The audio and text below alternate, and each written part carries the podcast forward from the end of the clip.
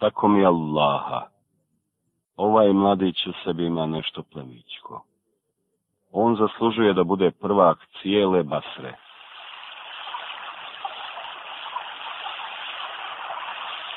Ovo je priča o El Ahnefu ibn Kajsu.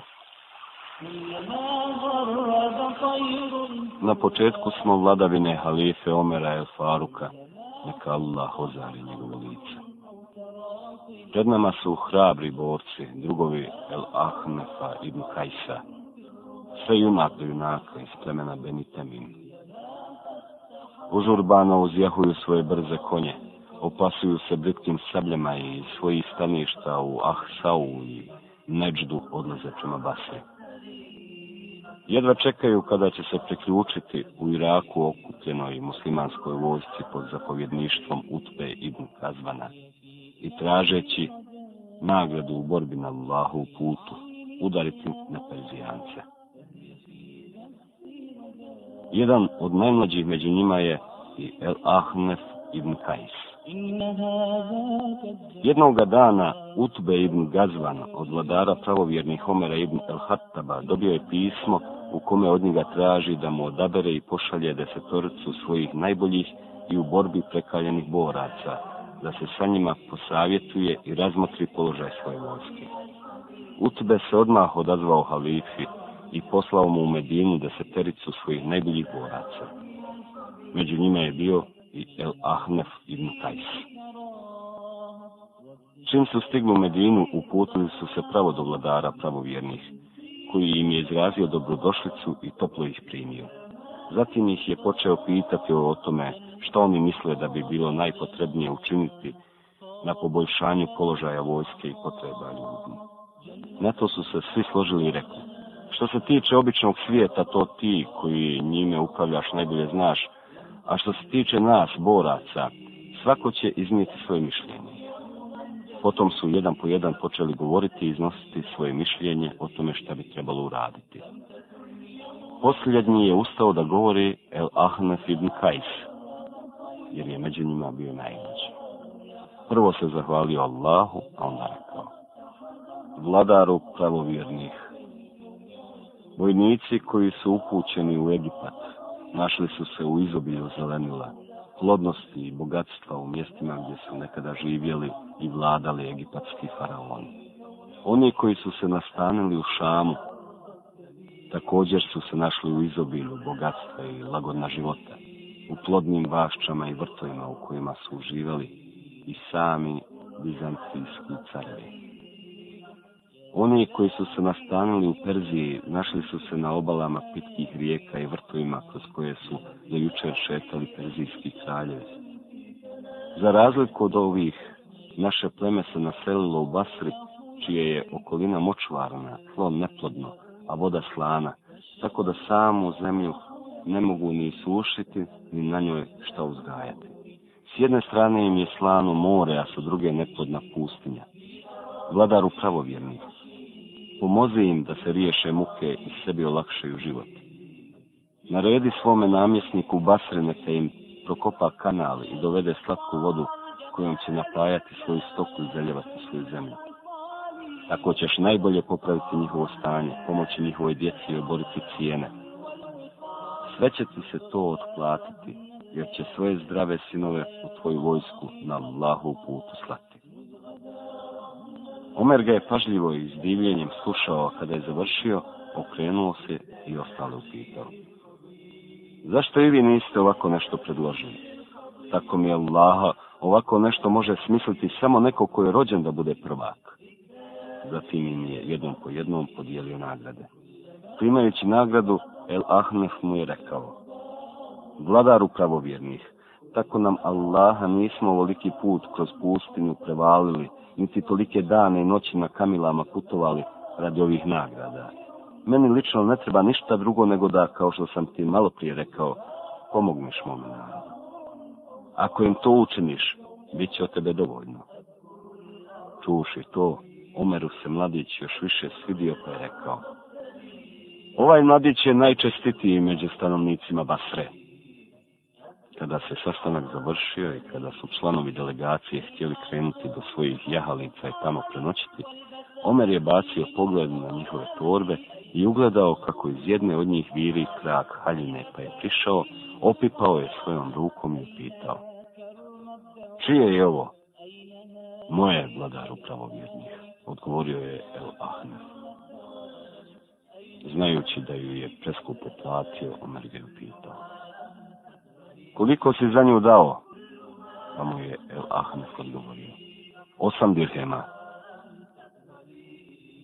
To je bio jedini slučaj da je u životu slagao. Jer je za nju bio platio 12 dirhema. Na to ga je Omer blago pogledao i rekao mu. Zašto nisi kupio onu od jednog dirhema, a ostatak dao nekom od muslimana koji je u nuždi? Zatim je dodao. Od svoga imetka trošite onoliko koliko vam je doista potrebno, a ostatak ostavljajte ili ulažite u ono što će vam više koristiti. Na to je El Ahnuf od stida glavu, ne rekavši ništa. Vladar pravovjernih svim članovima delegacije dozvolio je da se vrate u Basru, osim El Ahnefu, koga je kod sebe zadržao cijelu godinu dana. Omer je to učinio zato što je kod ovog mladića iz plemena Temim primijetio štrumnost, bistrinu, vještinu izražavanja, širinu pogleda na život, dubinu misli i urođenu darovitost, pa je htio da ga zadrži kod sebe kako bi ga upoznao sa najpoznatijim drugovima Allahov poslanika sallallahu alaihi wasallam, da bi od njih poprimio način razmišljanja i razumijevanja vjere i izbliza pratio njihov daljni odgoj. Osim toga, htio je izbliza provjeriti i uvjeriti se u njegovu odanost, prije nego što mu je povjerio neki od značajnih položaja. Ovo zato što se Omer cijel svoj život pribojavao od prirodno nadarenih i bistrih ljudi, a posebno onih koji su dobro vladali vještinom govora, jer ako su takvi usmjereni kako treba, u stanju su cijel svijet urediti i u njemu zavesti red i pravdu. A ako su pokvareni, niko od njih ne može među svijetom posjetiti veći nered i kavlu. Nakon godinu dana provedenih pod budnim okom i brižnim nadzorom, Omer je El Ahnefa pozvao kod sebe na razgovor i rekao mu Ahnefe, cijelo ovo vrijeme sam te pratio i provjeravao i kod tebe uviđao samo čestitost. Sve što sam kod tebe mogao primijetiti je lijepo i čestito. Nadam se da je i ono što u sebi kriješ isto tako lijepo i čestito. Zatim ga je uputio u borbu sa Perzijancima i po njemu svome zapovjedniku Ebu Musau El Ešariju poslao pismo u kome je između ostalo pisalo. Neka ti El Ahnaf ibn Kajs bude pri ruci. U važnim odlukama se savjetuj sa njim i slobodno prihvaćaju njegove savjete. Tako je El Ahmed ponovo stao pod zastavu muslimanske vojske i uključio se u njene redove, koji su udarali na sve strane, uzduži poprijeko širom Perzije. Tamo je pokazao svakojaka herojstva i hrabrost. Nije mu trebalo dugo vremena pa da zvijezda njegova herojstva i slave zablista punim sjajem. On i njegovi temimljani su u borbi sa neprijateljem pokazali svu snagu i dali od sebe sve što su mogli dati. Nisu odostajali sve dok nisu osvojili grad Tuster, taj najskuplji dragulj pod krunom Perzijskog kralja i dok njegov zapovjednik Hormuzan kao zarobljenik nije pao u njihove ruke. Hormuzan je bio jedan od najokrutnijih, najlukavijih, najupornijih i najperfidnijih perzijskih zapovjednika spreman da u svakom času pribjegne ratnoj varci. zastopne pobjede muslimana na bojnom polju nekoliko su ga puta prisiljavale da sa njima potpiše ugovor o miru i napadanju. Međutim, svaki put kada bi mu se pružila prilika i učinilo mu se da je u stanju izvojevati pobjedu na bojnom polju, Hormuzan bi prekršio sporazum i napao muslimana. Ovaj put, nakon što je još jednom izgubio bitku na bojnom polju, povukao se u dobro čuvanu tvrđavu u gradu Tuster, koju su muslimani sa svih strana opsjeli. Na njihov poziv da im se preda, drsko je zaprijetio. Kod sebe imam stotinu strijela i tako mi Boga nećete mi živu prići, sve dok svakom od njih nekoga od vas ne pogodim. A sami znate koliko sam u strijelom vješt. Kakve ćete koristi od mene imati kada me zarobite, nakon što ću ubiti ili reniti stotinu vaših boraca? Na to su ga upitali. Šta onda za predaju tražiš? Pa je odgovorio. Tražim da me živa i zdrava odvedete kod vašeg halife Omera, pa neka me on presudi kako hoće. Na to su mu odgovorili. Pristajemo na to što si tražio. Čuvši to, bacio je svoj luk sa strijelama, sišao sa kule tvrđave i predao se. Potom su mu vezali ruke i u pratnji jedne delegacije, sastavljene od nekoliko boraca, poslali ga u Medinu. Na čelu delegacije bili su Enes ibn Malik, sluga Allahova poslovnika sallallahu alaihi veselem i El Ahnef ibn Kajs, Omer ibn El Hattabov učenik. Delegacija je krenula i žurila da što prije sa Hormuzom stigne u Medinu i vladaru pravovjernih donese radosnu vijest o još jednoj pobjedi muslimana. Sa sobom je nosila petinu ratnog plijena za državnu blagajnu i vodila ovog izdajnika koji je toliko puta kršio ugovor o na napadanju, da mu po njegovoj želji presudi lično halifa Omer. Stigavši na domak Medine, delegacija se zaustavila kako bi pripremila Hormuzana za pokazivanje muslimanskim masama. Tu su mu obukli odjeću od skupocinog brokata, izrezeno nitima od čistog zlata, a na glavu mu stavili krunu ukrašenu biserima i dragim kamenjem, i u ruke mu dali kukasti štap od čistog zlata, ukrašen draguljima i biserima. Čim su kročili u Medinu, oko njih se počela okupljati gomila svijeta, muško i žensko, staro i mlado, zagledati u zarobljenika i diviti se njegovoj odjeći i ukrasima. Delegacija se prvo uputila Omerovoj kući, pa su, kada ga nisu našli, upitali gdje je. Rečeno im je da je otišao u džamiju na sastanak sa nekakvom delegacijom, pa su se uputili prema džamiji, ali ga ni tamo nije bilo. Dok su tražili Omera, oko njih se okupilo još više svijeta, tako da se stvorila velika gužba. U tom je neko od djece, koja su se igrala, upitao. Šta hoćete i koga tražite? Vidimo da prolazite tamo amo, da možda ne tražite vladara pravovjernih. Tražimo baš njega, odgovorili su, pa su im djeca rekla. Eno ga naslonjen na svoj ogrtač spava u desnom uglu džamije.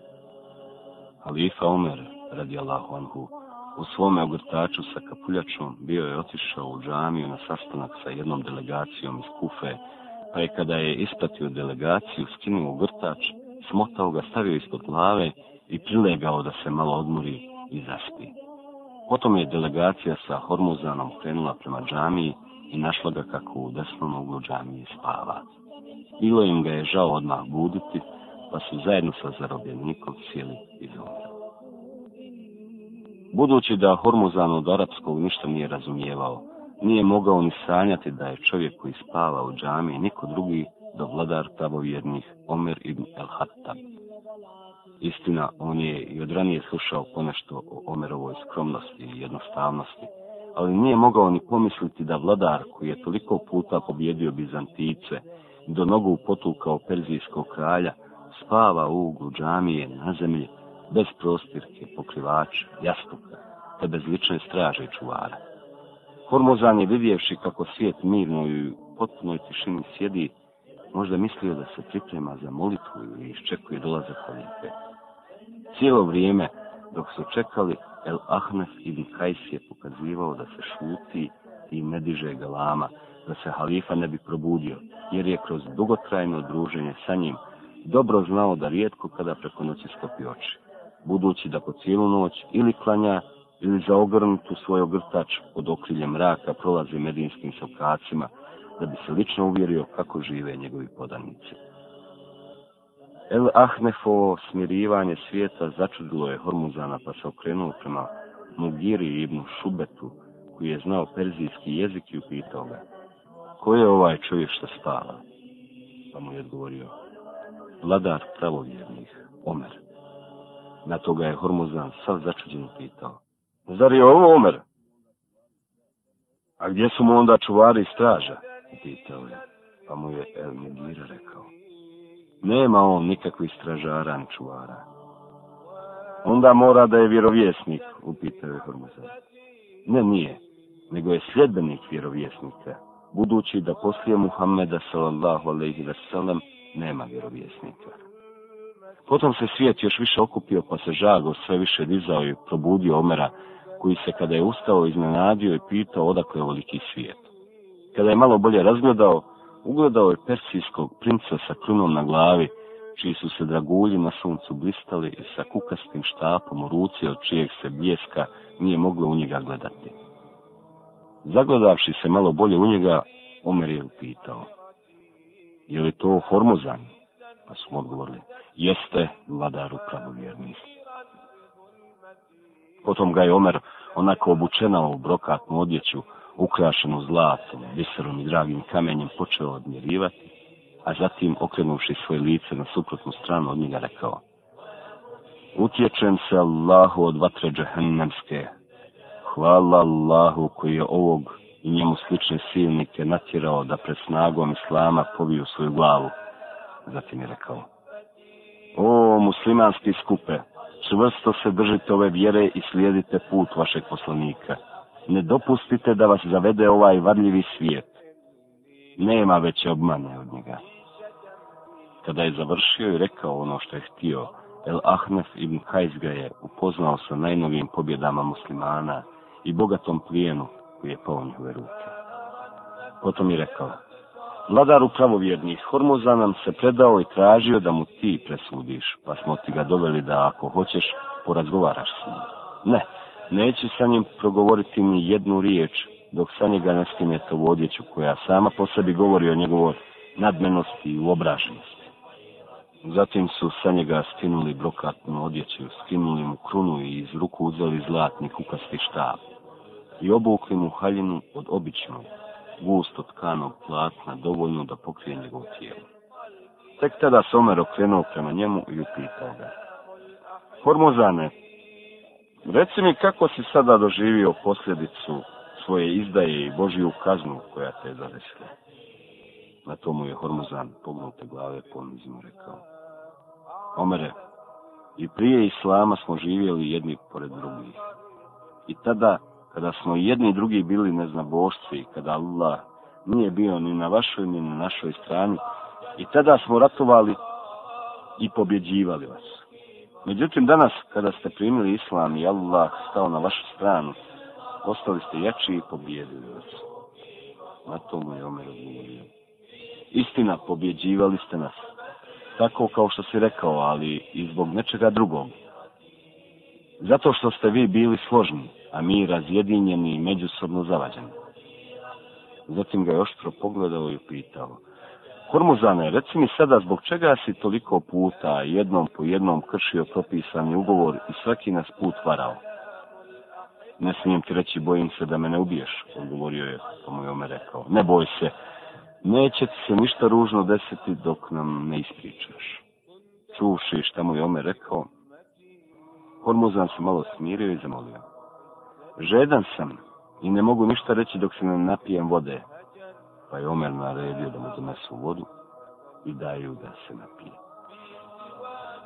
Kada su mu donijeli vodu u grubom vrčagu od gline, zagledao se u njega i rekao, prije bih crkao od žeđi nego se iz nečega ovakvog napiti. Pa je Omer naredio da mu donesu vode u posudu sa on hoće. Kada su mu ponovo donijeli vode, uzeo je posudu i počeo da strti. Pa je Omer upitao. Šta ti je, čega se bojiš? To pa je Bojim se da me ne ubiješ dok budem pio bucajne vode. Na to mu je Omer rekao, ne boj se, niko ti ništa ružno neće učiniti dok se ne napiješ te vode. Čuvši to iz Omerovih usta, Hormuzan je iskrenuo posudu i iz nje prosuo vodu, pa je Omer naredio da mu ponovo donesu posudu sa vodom i da ga ne diraju dok se ne napije. Na to je Hormuzan rekao, ne, ne treba mi više vode. I ovo što sam tražio, tražio sam samo zato da preko nje osiguram sebi zaštitu. Kakvu zaštitu, pitao je Omer i dodao. Sad će na licu mjesta ubiti. Ne, nećeš, jer si mi lično ti obećao zaštitu, odgovorio Hormuzan. Lažeš, odgovorio Omer vladaru pravovjernih, ne laže. Istinu je rekao jer si mu malo prije obećao zaštitu, rekao je Omeru Enes ibn Malik, koji je cijelo to vrijeme bio prisutan. Enes se teško tebi šta govoriš, kako ću ubiti tvoje braće El Bera, Ibn Malike i Međure, Ibn Sevra garantirati zaštitu? Upitao je Omer. Polahko, polahko, zamolio je Enes i rekao. Malo prije si mu rekao. Ne boj se, ništa ti se neće ružno desiti dok nam ne ispričaš. Zatim si mu rekao, ne boj se, ništa ti se neće ružno desiti dok se ne napiješ te vode. Enesove riječi potvrdio je i El Ahnef. I ostali prisutni su potvrdili da je vladar pravovjernih na taj način Hormuzana uzeo pod svoju zaštitu. Potom je Omer sav ljut pogledao u Hormuzana i rekao mu, prevario si me. A ja, tako mi Allaha, ne mogu sebi dozvoliti da me prevari iko drugi do musliman. Tako je Hormuzan izjavio da prima islam, nakon čega je Omer naredio da mu se da dvije hiljade dirhema.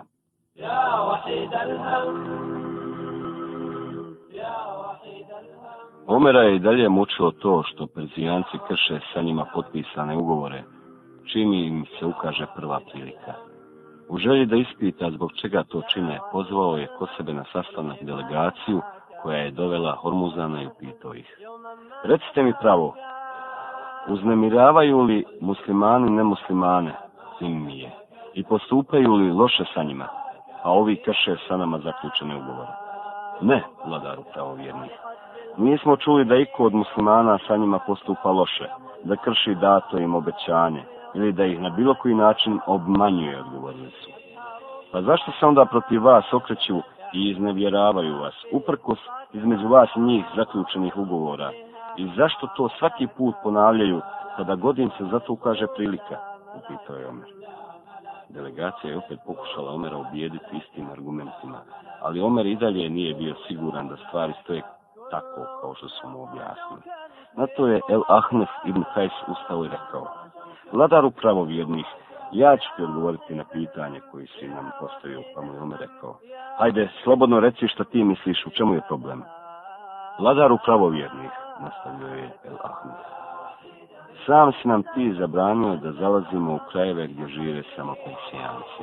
Naredio si nam da se u našim kretnjama ograničimo na našu zemlju, i njihove gradove u kojima živimo.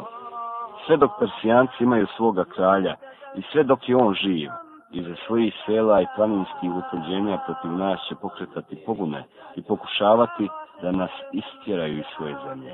I ne samo to, njima će se svaki put, kada im se pruži prilika, odazivati i oni koji su sa nama zaključili sporazum. Vladaru pravovjernih, ja mislim da u jednoj zemlji istovremeno i uspješno nikada ne mogu vladati dva vladara. Zato jedan od njih drugoga do nogu mora postući i uvijek protjerati. Vladar upravo kada bi nam dozvolio da uzduži poprijeko pretresemo njihovu zemlju i zajedno sa kraljem ukinemo njihovo kraljevstvo. Siguran sam da bi iskorijenuli i ove pobune, jer bi oni izgubili svaku nadu povratak svoga kraljevstva, pa se više protiv nas ne bi bunili. Čuvši to, Omer se malo zamislio, a potom rekao. Istinu je rekao El Ahnef i otvorio me oči pred problemom koji me toliko dugo muči u vezi sa ovim narodom. Grad Damask. Prepun voćnjaka sa isprepletenim krošnjama drveća i behara, čiji se miris širio na sve strane. S osmijehom je dočekivao svježinu prvih vjesnika proljeća. Palača vladara pravovjernih Muavije i Ebu Sufjana spremala se za doček gostiju i posjetilaca. Čim bi se prvi gosti pojavili, njegova sestra Umil Hakim, Ebu Sufjanova kćerka, po običaju bi požurila na svoje mjesto iza zastora da sluša hadise Allahova poslanika sallallahu alaihi veselam, koji su se kazivali na prijemima koje je na svom dvoru priređivao njen brat, halifa Mlavija. Tu je između ostalog imala priliku uživati i slušati svakojake priče, stihove najboljih pjesnica, dosjetke i mudre izreke. Ukratko, bila je to žena plemenita roda, izoštrena pamćenja i širokih pogleda na život. Znala je da njen brat svoje goste prima prema njihovom ugledu i položaju u društvu, i da na prvo mjesto dolaze drugovi Allahova poslanika sallallahu alaihi wa sallam, zatim najstariji među zatim učeni ljudi, zatim ljudi sa plemičkim porijekom i tako redom. Međutim, Ummul Hakim je primijetila da je njen brat kod sebe jednom prilikom prvo primio čovjeka prema kome se ponio donekle hladno i nezainteresirano, jer svojim ga je ušima čula kako mu je rekao. Ah, tako mi Allaha, kad god se sjetim Sifina i tebe na Ali ibn Ebu Talibovoj strani, srce mi nešto probode i pomislim da neću izdržati. Na to mu je čovjek odgovorio. Muavija, dobro zapamti što ću ti reći. Tako mi Allaha, srca koja su te tada mrzila i danas kucaju u našim prsima.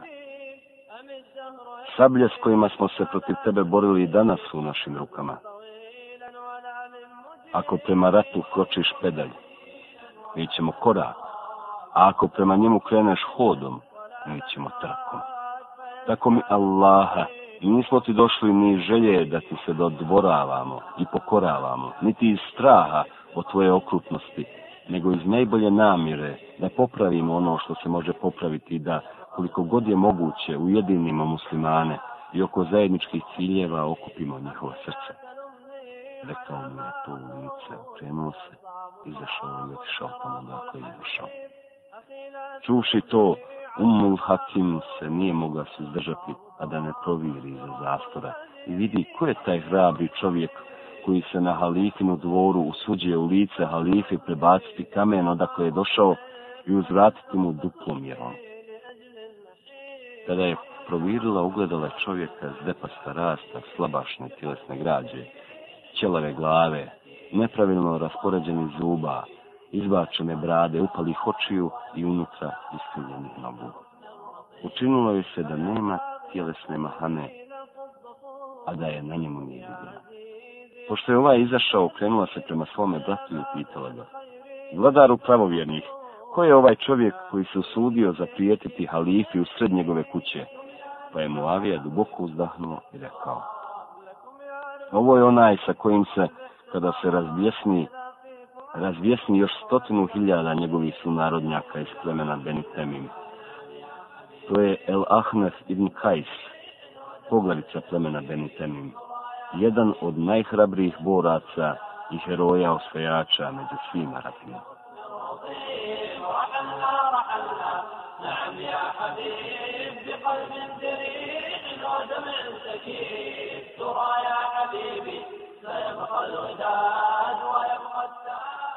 Tri godine prije Hidžre, Kajsu ibn Muaviju Esadiju, rodilo se muško dijete kome je dao ime Eddaha mada ga je svijet kasnije prozvao imenom El Ahnef zbog krivih nogu. Tako je pod tim imenom ostao poznatiji među svijetom. El Ahnefov otac Kajs nije bio ni prvak svoga plemena, niti nepoznat čovjek, nego je pripadao srednjem staležu u svome plemenu.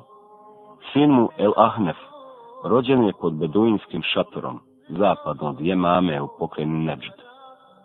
El Ahnef je dosta rano prije nego što je prohodao ostao siroče, jer mu je otac poginuo u jednoj od mnogobrojnih međuplemenskih sukoba. Svjetlo islama obasjalo ga je još kao golobrada mladića. Nekoliko godina prije smrti Allahov poslanik sallallahu alejhi ve sellem je u El Ahnef ibn Kajsovo pleme poslao jednoga od svojih drugova sa zadatkom da ovo pleme pozove islam.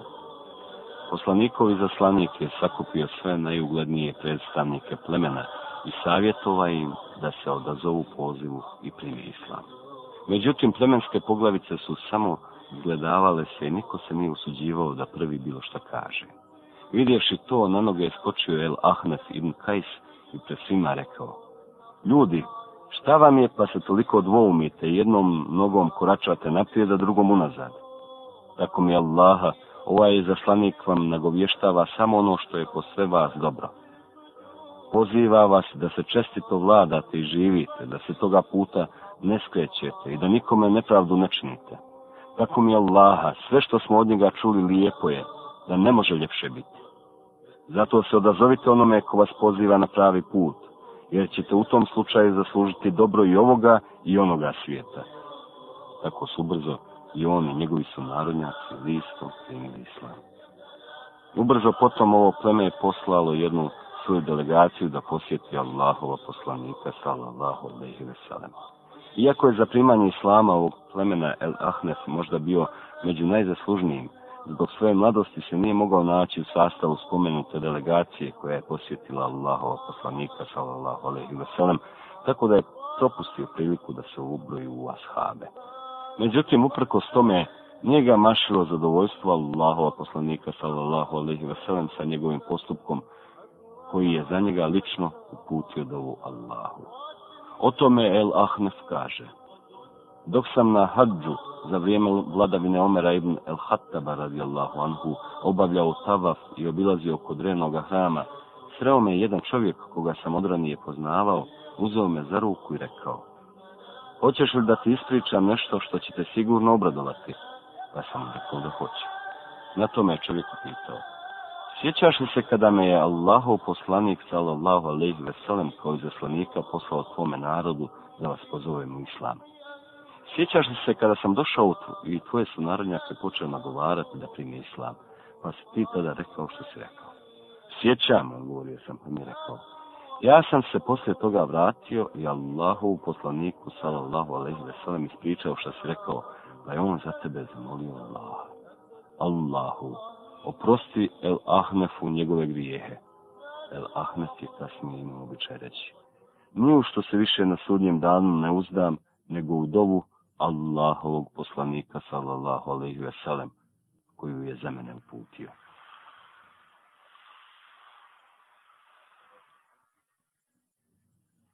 Kada se poslije poslanikove sallallahu alaihi veselem smrti pojavio mu Sejleme el Kezab i svojim lažima počeo zavoditi svijet, uslijed čega su se mnogi odmetnuli od islama.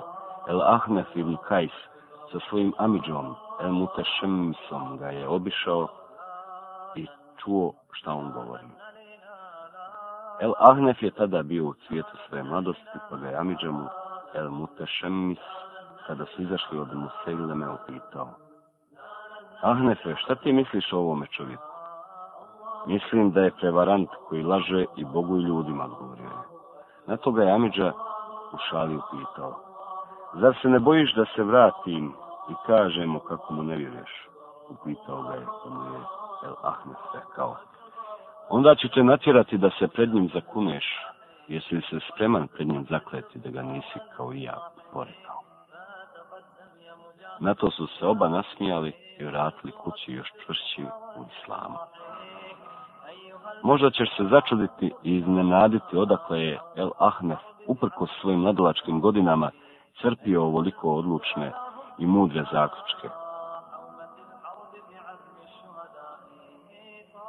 Međutim, sigurno ćeš se prestati čuditi ako saznaš da je ovaj mladić temimljanin bio rijetko bistro dijete svoga vremena u kome je ključala iskrenost, istinoljubivost i prirodno urođena bistrina, kao malo kog drugog djeteta. Naime, on se još od svoga ranoga djetinstva družio sa odraslima svoga plemena, prisustvovao njihovim sjelima, savjetovanjima i raspravama i tako se naslađivao u njihovim odrastima. Pričajući o tome, sam je jednom prilikom rekao. Kod Kajsa ibn Asma el Minkarija smo se redovno okupljali i od njega učili vrline dobrote i blagosti, kao što se kod učenih ljudi okupljamo da naučimo nešto od njihova znanja i iskustva. Na to ga je neko pitao. Možeš li nam ispričati makar jedan primjer njegove blagosti i mudrosti? Pa je počeo pričati. Jednom sam prilikom došao kod njega i zatekao ga u dvorištu kuće kako opasan sabljom, sjedi i oko sebe okupljenim ljudima nešto govori. Nazvao sam im selam i sjeo da i ja čujem što im to govori. Nije prošlo dugo kada se iznenada začula nekakva buka i galama. Pogledali smo i vidjeli kako mu dovode jednog mladića svezanih ruku, a drugog iza njega nose ubijena. Evo, ovo je tvoj bratić koji ti je ubio toga i toga sina. Tako mi je Allaha. Kada je to čuo, nije se ni s mjesta pomakao, niti govor teknuo nego se kada je završio okrenuo prema svome bratiću i rekao Bratiću, ubio si rođenog Amidžića, sam svojom rukom rodbinsku vezu presjekao i ustrijelio se strijelom koju si sam odapeo. Zatim je svome drugom sinu rekao, ustani, odveži ruke svome bratiću i zajedno sa njim sahrani svoga brata a kada to završiš, uzmi stotinu deva i kao otkup za ubijenog sina predaj njegovoj jednoj majci. El Ahnef ibn Kajs je imao sreću da mnogo toga nauči i od najpoznatijih ashaba, kakav je bio jedan Omer ibn El Hattab El Faruk Imao je sreću prisustvovati društvu sa kojim je on sjedio, slušati savjete koje je upućivao i učiti se na presudama koje je on izricao. Bio je jedan od najboljih učenika koji su završili Omeru u školu islama i upijao je svaku riječ svoga učitelja, čija se bistrina i genijalnost rijetko rađa. Upitan kako i na koji način si uspio steći tako visok stepen dostojanstva i mudrosti, odgovorio je. Zahvaljujući sljedećim riječima koje sam čuo iz usta Omera ibn El-Hattaba ko pretjeruje u šali, svijet će ga držati za neozbiljno. Ko u bilo čemu pretjeruje, po tome će se među svijetom prepoznavati. Ko previše govori, previše posrće. Ko previše posrće, nema stida. Ko nema stida, nema obraza. Ako nema obraza, nema ni života u srcu.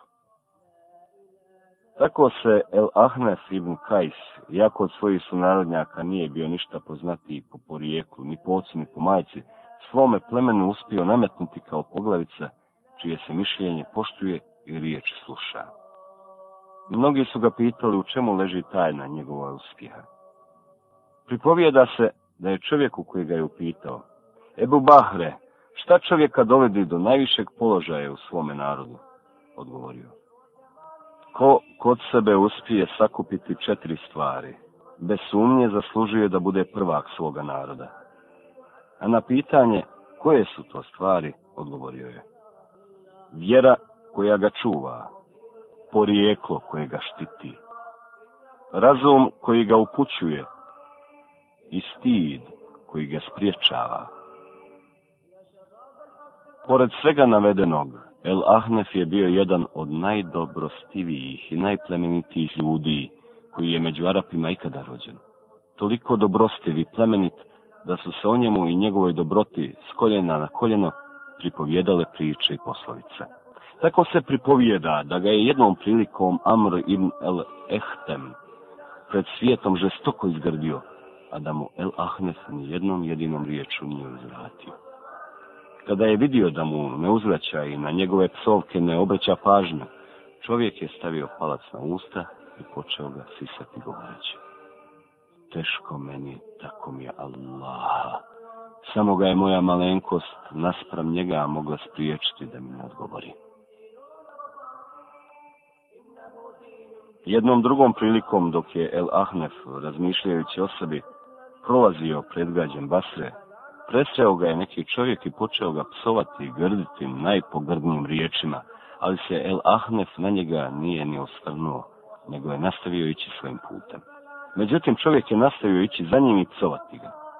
Kad su se približili mjestu gdje je bilo svijeta, El Ahnef se okrenuo prema čovjeku i rekao mu, Sine, brata moga, ako je još nešto ostalo što mi nisi rekao, reci sada da te svi čuju, jer ćeš, ako te oni čuju, dobiti ono što tražiš. Pored svega navedenog, El Ahnef je bio i veoma pobožan i skroman čovjek, predan namazu i postu. Kada bi se spustila noć, upalio bi svoj čirak, stavio ga pored sebe i stao na namaz u kome bi se toliko uživio da bi jecao poput teškog bolesnika i u strahu od Allahove kazne i srđbe plakao kao da je izgubio najdražeg sina. Kad god bi se sjetio nekog od svojih grijeha ili pomislio na neke od svojih propusta, primakao bi prst svjetiljci i rekao Boli li te, Ahnefe? Zašto si tada i tada uradio to i to? Ahnefe, teško tebi. Ako danas ne možeš izdržati bol od plamena svjetiljke, kako misliš sutra izdržati vatru džehennemsku, i podnijeti njene muke. Allahu, ako mi se smiluješ i oprostiš, to je iz dobrote tvoje. A ako me i kazniš, ja sam to i zaslužio. Neka je Allah zadovoljan sa Elahnefom ibn Kajsom, a i on sa njim zadovoljan. Doista je bio ukras svoga vremena. I čovjek kakav se rijetko rađa.